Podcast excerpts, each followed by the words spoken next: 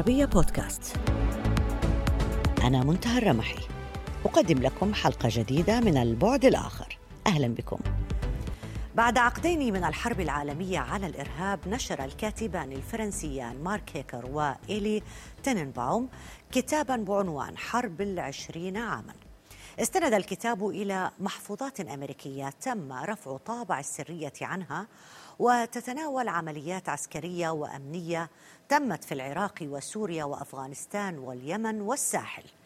ويقسم الكاتبان الحرب على الإرهاب إلى خمس مراحل. الأولى بين عامي 2001 و2006 وهي الفترة التي عاقبت اعتداءات القاعدة على نيويورك وقد تم خلالها تفكيك بعض الخلايا الإرهابية. المرحلة الثانية بين 2006 و2011 تبنت فيها قوات الدول الغربية نهج مكافحة التمرد.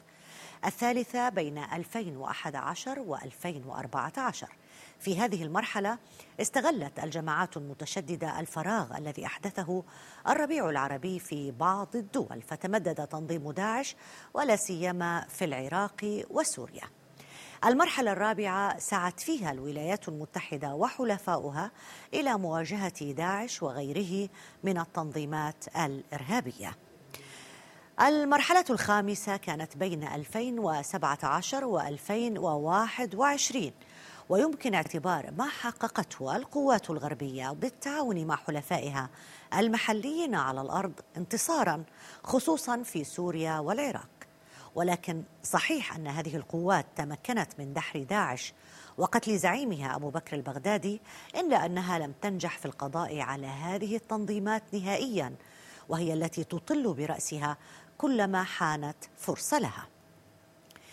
لماذا وكيف تحولت هذه الحرب من مجرد حرب عسكرية وأمنية إلى حرب إلكترونية وإعلامية من دون التخلي عن نهج العنف واستمرار الردع المسلح لهذا النهج؟ عن هذا الموضوع يسرني أن أستضيف من واشنطن الكاتب والخبير في الشؤون الأمنية جون روزاماندو. أهلا بك معنا سيد جون. شكرا لاستضافتي. في البداية دعني أسألك إن كنت تتفق مع هذا التقسيم لمراحل الحرب على الإرهاب الذي ورد في الكتاب الذي أشرنا إليه في البداية. Uh, بكل تأكيد أتفق مع هذه المراحل المختلفة في بداية الحرب ضد الإرهاب. آه، الحرب كانت تركز على أفغانستان و بعد ذلك العراق آه، وبدأنا بقتال آه، الطالبان في أفغانستان والمتمردين في العراق وحوالي 2006 2007 حصل التمرد في كلا البلدين وحلفاء أمريكا كانوا يحاولون التخلص من هؤلاء الذين ظهروا من خلال التغير في الإدارة الأمريكية في 2009 هنا في واشنطن.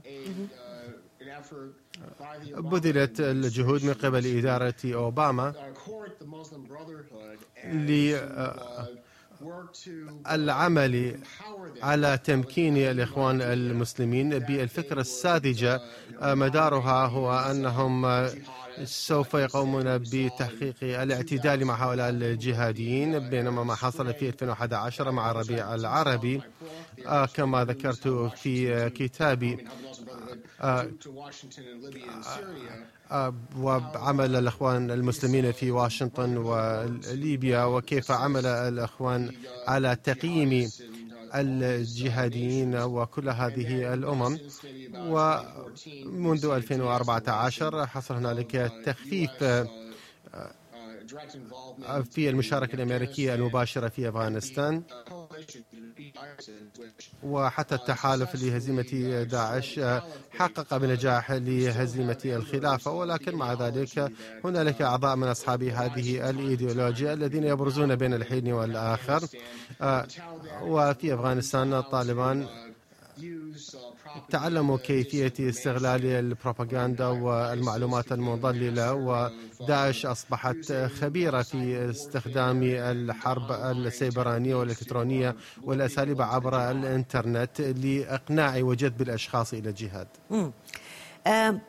هل هناك تصور واضح يعني لماذا الحرب على الإرهاب حتى الآن؟ نجحت في دحر هذه التنظيمات في مناطق كسوريا والعراق ولكنها لم تنجح على الإطلاق في القضاء على آه، هذه التنظيمات. ما زالت موجودة. هي حرب إيديولوجية بإمكاننا الانتصار في المعارك على أرض المعركة مثل هزيمة داعش في العراق وسوريا أو حتى في ليبيا. ولكن دائما هنالك جماعات مثل الاخوان المسلمين ودول مثل تركيا وإيران التي تدعم هذه الجماعات لوجستيا وماليا وتحافظ على استمراريتها فلا يمكن أن نهزم الإيديولوجيا ما لم نقم بتقويض أفكارها. هل يتم استغلال آه، التكنولوجيا الإنترنت وحضرتك أشرت للحرب السبرانية التي نجح فيها الإرهابيون هل يتم آه، على الجانب الآخر أو من الطرف الآخر استغلال هذه التقنيات لمحاربة هذا الفكر المتطرف برأيك؟ أعتقد بأن هذا حصل ولكن بشكل غير كفو أو فعال من قبل الغرب. الغرب لا يدرك ما هي جذور هذه الإيديولوجيات. إذا ما نظرنا مثلا مركز الانخراط الدولي في وزارة الخارجية الذي ابتكر وأنشئ لمكافحة هذه الإيديولوجيات المتطرفة. الأشخاص هناك لا يعرفون حتى مبادئ الإسلام أو كيف يقنعون الأشخاص عن عدم دعم هذه المنظمات الإسلامية؟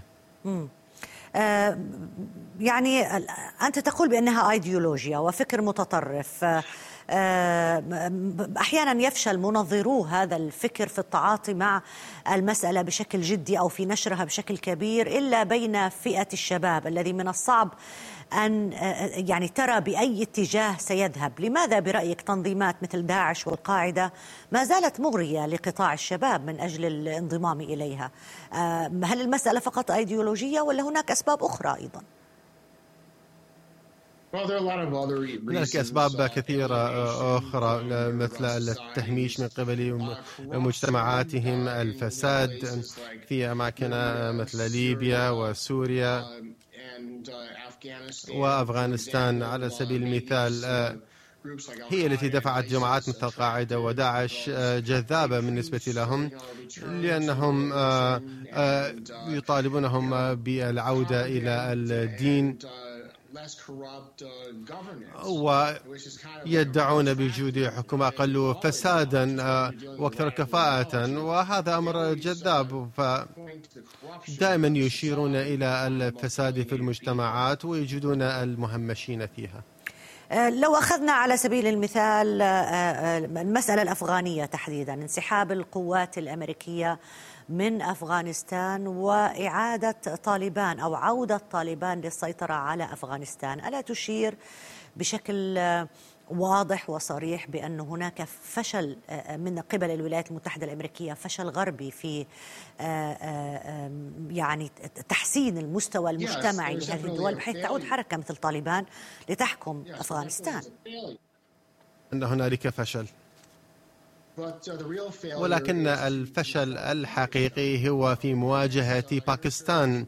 آه، المنظمات الاستخباراتية وفرت التمويل أو التدريب للطالبان هناك.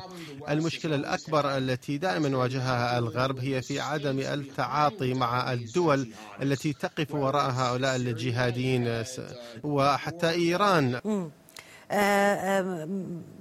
هل يعني هناك من قال بأنه قد تكون حركة طالبان عملت مراجعات لأفكارها في فترة العشرين عام الماضية ولذلك يعني العالم الآن يريد أن يراقبها كيف ستحكم أفغانستان. لكن الفيديوهات والأشرطة التي نراها كيف تتعامل طالبان حتى الآن مع المجتمع الأفغاني تفيد بأن لا مراجعة حصلت. ما الذي ما الذي سيجعلنا قادرين على الحكم آه، آه، على حركة مثل حركة طالبان وإدارتها لدولة مثل أفغانستان؟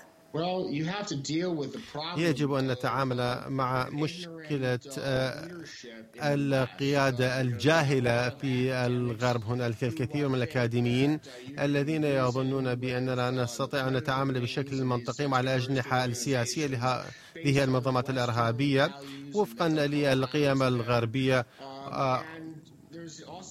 وهنالك بعض الجهود في الغرب لتسمية كل من يهتم بأيديولوجيا طالبان داعش والقاعدة والإخوان المسلمين آه، ويصيغهم على أنهم كارهين ومبغضين. فما لم ندرك أن هنالك مشكلة فنتمكن من الوصول إلى حل. طيب لكن عندما. حضرتك أشرت في أكثر من مرة إلى الدول التي تدعم مثل هذه الحركات لغايات سياسية غايات لها علاقة بالمصالح عندما نتحدث عن تنظيمات متشددة وإرهابية غرب غربيا على الأقل يذهب في تفكيره تفكيرهم إلى داعش والقاعدة تحديدا ويتم نسيان جماعات أخرى تمولها إيران مثل حزب الله والحوثيين وميليشيات عدة في العراق وأفغانستان. ماذا يمكن القول عن الجماعات الإرهابية التي تمولها إيران؟ هل يمكن أن نضعها في نفس الخانة؟ um, uh, بكل تأكيد أعتقد آه، بأنها جماعات إرهابية آه، مدفوعة بالطرف الإسلامي والفارق بينهم وبين القاعدة وداعش آه، هم أنهم مسيطر عليهم من قبل الحرس الثوري الإيراني. وهو يسيطر على شبكات عالمية في الغرب. هم خرطون في تجارة المخدرات والنشاطات الإجرامية. وكان هنالك تعاطف من قبل اليسار في الغرب تجاه الثورة الإيرانية عودة إلى عام 1979 ويرونها على أنها تقف ضد الإمبرياليين الأمريكان أو الغرب هل هل وصلنا بعد فترة العشرين عام الماضية آه، لتعريف واضح محدد للإرهاب ومن هي التنظيمات الإرهابية حقيقة؟ أعتقد بأن الأمر أكثر غموضا من أي وقت سبق لأن المؤسسات الغربية في حالة النكران فيما يخص المشكلة الحقيقية وهذا يعود إلى التفسير المتطرف والمنحرف للإسلام وليس لديهم أي مصلحة في مواجهته أو مكافحة الجماعات السياسية التي تدعم هذه الجماعات الإرهابية بالتمويل والبروباغندا وإلى آخره. فالأجنحة السياسية لهذه الجماعات آه، آه، تقوم بالدفع والضغط على مجلس الشيوخ ووزارة الخارجية في الولايات المتحدة وكذلك باستخدام وسائل الإعلام لنشر المعلومات المضللة عنهم. وبالحديث عن وسائل الإعلام لا يمكن لنا أن نتجاوز هذا التطور التكنولوجي الذي حدث في الإنترنت ووسائل التواصل الاجتماعي وغيرها. في مفهوم صار جديد نسمع عنه اسمه الجيش الإلكتروني. هل يمكن آه، إلى أي مدى يمكن لهذا الجيش أن يحقق أهداف على مواقع التواصل الاجتماعي وعلى المواقع الإلكترونية المختلفة؟ آه، يمكن أن تفشل الحروب في تحقيقها ونحن نتحدث عن إيديولوجيا وفكر وتطرف. Well, Uh, الشيء الذي يميز التواصل الاجتماعي هو أنه يسمح لنا إمكانية الوصول لعدد أكبر من الأشخاص أما في تسعينات القرن الماضي فكانت لدينا أشرطة مسجلة ترسل إلى إلى داعمي هذه الجماعات الإرهابية. وكانت محدودة أما الآن فبإمكان المرأة مثلا فتح قناة آه، على تليجرام أو تويتر أو إنستغرام أو أي آه، منصة تواصل اجتماعي وتصل على عشرات الآلاف من الأشخاص وتغويهم للانضمام إلى قضيتكم. وأنا أسأل عن الجانب الآخر يعني لماذا الطرف الآخر الذي يحارب هذه الأفكار؟ لا توجد له هذه الممارسات الملموسة في مواقع التواصل الاجتماعي وفي والقنوات المختلفة التي يمكن أن تفتح على تليجرام أو غيره. Um, uh, لدينا شبكات لنشر المعلومات. عبر مثلا الواتساب وهذه أيضا يستخدمها بعض الإرهابيين. ونحن أيضا نعمل على الأرض. فهنالك أيضا الشبكات بين الأئمة المتطرفين الرائجين والمعروفين أيضا يدعمون هذه القضايا.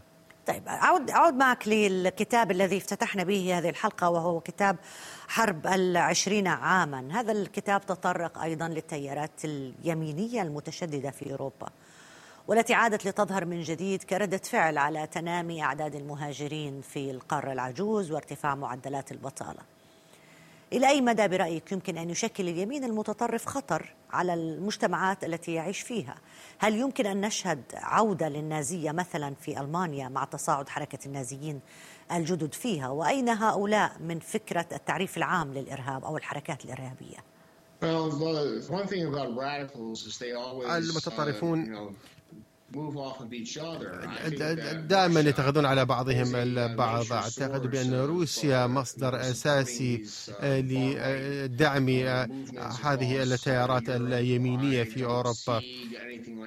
لا أرى إعادة ظهور آه، ألمانيا النازية في أوروبا. ربما هجمات ضد المهاجرين أو ضد المهاجرين الجدد في هذه المجتمعات الأوروبية. ولكنني لا أرى جماعات أو خلايا مثل داعش أو جماعات جهادية أخرى ستكون نشطة في أوروبا. شكرا جزيلا لك ضيفي من واشنطن الكاتب والخبير في الشؤون الأمنية جون روسموندو. شكرا جزيلا. نتابع وإياكم حلقة اليوم المخصصة للحرب على الإرهاب وجردة حساب بعد مرور عقدين عليها. توقع تقرير لجامعة براون الأمريكية أن تصل كلفة الحرب على الإرهاب التي بدأت قبل عقدين إلى 6.7 تريليون دولار بحلول عام 2023 إذا أوقفت الإدارة الأمريكية عملياتها العسكرية قبل هذا التاريخ. كما يقدر عدد الجنود الأمريكيين الذين قتلوا بأكثر من سبعة آلاف جندي. لمتابعة النقاش حيال الحرب على الإرهاب يسرنا أن نستضيف من بغداد اللواء الدكتور سعد معن إبراهيم رئيس خلية الإعلام الأمني. أهلا بكم معنا سيادة اللواء. أهلا وسهلا يا مرحبا. آه سيادة اللواء الذي حصل هو دحر لداعش لكن لم يتم القضاء على داعش حتى الآن. والعراق كان من بين أكثر الدول التي دفعت كلفة الحرب على الإرهاب بشريا وماديا. هل هو قادر على مواصلة هذه الحرب بمفرده بدون دعم عربي بدون دعم دولي؟ آه شكرا لك. طبعا الموضوع مهم جدا والحرب آه، على الإرهاب دائما نقولها لم ولن تنتهي. الحرب على الإرهاب هي آه، الوجه الثاني للحرب على التطرف. وبالتالي التطرف والأفكار آه، السيئة والأفكار الظلامية هي موجودة منذ القدم. وموضوع أن ينتهي آه، هذا الموضوع لا أعتقد أنه آه، في القريب العاجل. لا الحرب مستمرة. آه، ما يخص العراق فالعراق نعم كان هو رأس الحرب ولا زال في مقاتلة داعش الإرهابي. ونعم كان لنا تجربة وتجربة قاسية ولكنها لله الحمد. انتهت بانتصار على داعش وتحرير الأراضي العراقية وكان هنالك دعم دولي وأيضا آه، دعم من الأصدقاء وأيضا حتى الدول آه، القريبة على العراق آه، في القضاء على داعش. بالتأكيد هو لمساعدة البلدان ذاتها ومن ثم أيضا مساعدة العراق لأنه وجود داعش وتمكينه من أرض معينة بالتالي هو يعني تمدده أشبه بالسرطان إلى دول أخرى. اذا كان الموضوع يذهب بهذا الاتجاه. اكتسب العراق خبرة كبيرة على مستوى المجابهة الميدانية والخبرة التراكمية الجهد الاستخباري وأيضا حتى على مستوى آه، الحرب السيبرانية ومواجهة بروباغندا داعش والشائعات وغيرها خاصة أنه إذا رجعنا لنقطة العودة. فبداية داعش كانت هي من خلال آه، أدوات القتال النفسي والحرب النفسية والبروباغندا التي استخدمت في مدينة الموصل آنذاك ومن ثم ذهبت باتجاه آه، المدن الأخرى. وضع العراق الآن يختلف كثيرا من ناحية الاستعدادات القتالية واللوجستية وكل الأمور المتعلقة بحرب ضد داعش.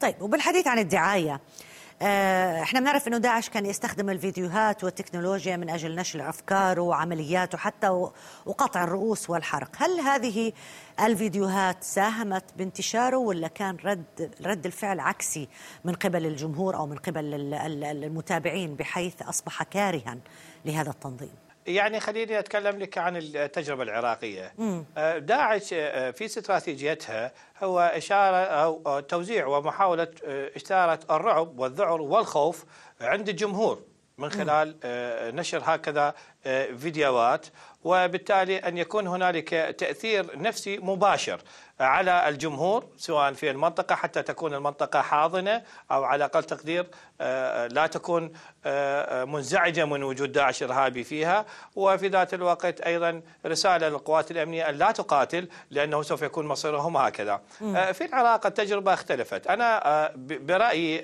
برأيي السيكولوجي الموضوع لا. كل ما كانت مثل هكذا فيديوهات تنشر كلما زادت نقمه الشعب العراقي وقوات الأمنية على داعش إرهابي وكلما أيضا زادوا إصرارا في مقاتلتهم. لكن دعيني أتكلم عن نقطة مهمة تكلم فيها ضيفك وأنت أشرت إليها لماذا ندع أو يكون هنالك مجال لاستخدام ال social media أو الفضاء السيبراني بصورة عامة من كل الدول آه، لداعش. لماذا يكون هنالك موقع أعماق؟ لماذا يكون هنالك جريدة أسبوعية آه، إلكترونية تصدر عن داعش؟ لماذا يكون هنالك آه، إصدارات؟ ولا يكون هنالك تكاتف حقيقي دولي لمنع وصول مثل هكذا افلام بس اللواء بصراحة. إرهاصات إلى المتلقي. بصراحة هل داعش نبت شيطاني يعني لوحده أم أن هناك جهات ما زالت تدعم مثل هذا النوع من الفكر وهذه التنظيمات لتستغله في مصالحها السياسية مصالحها التوسعية مصالحها الشخصية في نهاية الأمر. يعني هو مش راح يكون بيشتغل لوحده. لا انت أنت تتكلمين على السياسة العالمية أم العالمية. تتكلمين يعني في في مكان آخر؟ لا لا بتحدث عن السياسة العالمية. السياسة العالمية واضح.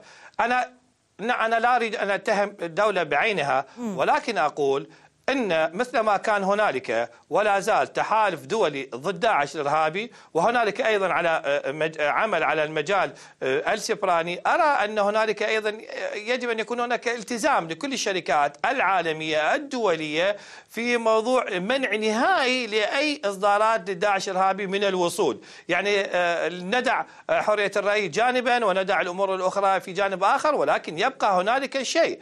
اليوم الحرب حتى وإن كانت هي حرب كونية ضد داعش الإرهابي ولكن ما هي أدواتها؟ أدواتها هي الإعلام. كيف تصل رسالة داعش الإرهابي آه، إلى الجمهور إن لم يكن هنالك وسيط ناقل لهذا الموضوع؟ يعني داعش تتلذذ بعد عنده قدرة على الاستقطاب سيادة اللواء.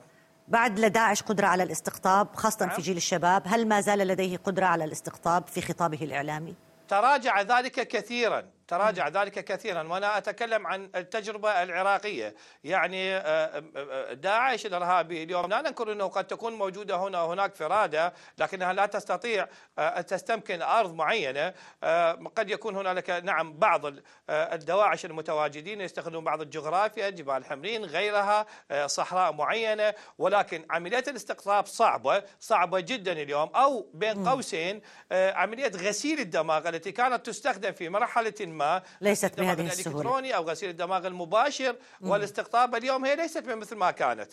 هو ما في شيء ممكن أن يبرر العمليات الإرهابية لكن البعض ذهب للقول بأنه في في أسباب علينا إزالتها وفكر علينا محاربته قبل الحرب العسكرية. الآن في تجربتكم بالعراق آه، هناك الكثر من المعتقلين. من خلال التحقيقات مع مقاتلي داعش المسجونين والمعتقلين هل لمستم إنه يحدث عندهم نوع من التوبة، نوع من إعادة الأفكار ولا ما زالوا عندهم نفس الأفكار الافكار التطرف يعني؟ أه، سيدتي الكريم يعني خلينا نتكلم بصراحة سابقا هنالك بعض القنوات أو بعض وسائل الإعلام كانت وسطية أو ليس بهذا المعنى أي كانت في الوسط لم تكن مع أه، الحق أو لم تكن ضد داعش هذا جانب البعض من وسائل الإعلام لا كانت واضحة بنقل الأفكار المسمومة. الآن العالم أصبح ذكي بما فيه الكفاية سواء داخل العراق أو خارجه في تشخيص من يكون ضمن دائرة الترويج لداعش الارهابي لذلك انحسار الدور الإعلامي للكثير من وسائل الإعلام والقنوات أيضا ولد فراغ لداعش في أو الإرهابيين في عملية إرسال رسائلهم رسائل الخوف الذعر التجنيد الايديولوجيا وغيرها. هذا من جانب. الجانب الآخر على مستوى العراق أصبح هنالك وعي كبير جدا على مستوى الوزارات الأمنية والدور التثقيفي والتوعوي إضافة أيضا ضمن هذه الحكومة وحكومة السيد الكاظم السيد رئيس الوزراء على سبيل المثال لدينا استراتيجية وطنية اليوم واضحة عراقيه لمكافحه التطرف العنيف. أيضا هنالك لجنة عليا للأمن الإلكتروني ومكافحه الكراهية وغيرها. من الأمور التي لا تدع بمكان مجال لأي شخص ممكن أن يستغل حادثة معينة أو موضوع معين ويذهب به باتجاه تعبئة, تعبئة فكريه صحيح. مضادة للوضع العام. أنتم في العراق أيضا لديكم قضية أخرى على قدر كبير من الأهمية. العائلات الأجانب اللي كانوا منتمين لداعش واللي ما زالوا يعني قانونيا وضعهم مش واضح في العراق. البعض ينتقد بأنه وضع هؤلاء في مخيمات جعلهم أو منعزلة بشكل أو بآخر جعلهم أكثر تشددا وأكثر تطرفا مما كانوا عليه. خاصة أولئك الذين بلدانهم لا ترحب بهم للعودة إليها من جديد. شو وضعهم القانوني؟ يعني سيدتي الكريمة العراق دفع ولا زال يدفع ويصرف آه، آلاف الدولارات آه، على آه، هذه العوائل. يعني خاصة حتى الأطفال الذي كانوا في عمرهم أشهر اليوم أصبحوا عمرهم سنوات. المعاملة خاصة. صدقي أنه العراق يطبق معايير حقوق الإنسان خاصة في الإدارات السجنية يعني من ناحية الغذاء من ناحية الدواء وغيرها. بعض الدول استجابت ونعم تحملت المسؤولية كاملة وأخذت من هم موجودين هنا. وفق معايير معايير معينة واتفاقيات دولية، البعض الآخر كما تقولين رفض، البعض الآخر حتى هو اليوم ميكس لا يعرف جذوره، هل هو يعني آه، كان زواجه عندما كانت داعش تحتل هذه الأراضي ومن هو الأب آه، من هي الأم وكثير من التفاصيل، ولكن التعامل هو تعامل وفق معايير آه، المعايير الدولية للتعامل مع آه، الموقوفين. والشيء الثاني أيضا موضوعة العلاج النفسي أو عملية التأهيل والدمج المجتمعي هي مستمرة آه، يعني لم تتوقف. سيادة اللواء الدكتور سعد معن إبراهيم رئيس خلية الإعلام الأمني في العراق. ألف شكر. إلى هنا انتهت حلقة اليوم من البعد الآخر. يمكنكم دائما متابعتنا على مواقع التواصل الاجتماعي تويتر فيسبوك ويوتيوب. إلى اللقاء.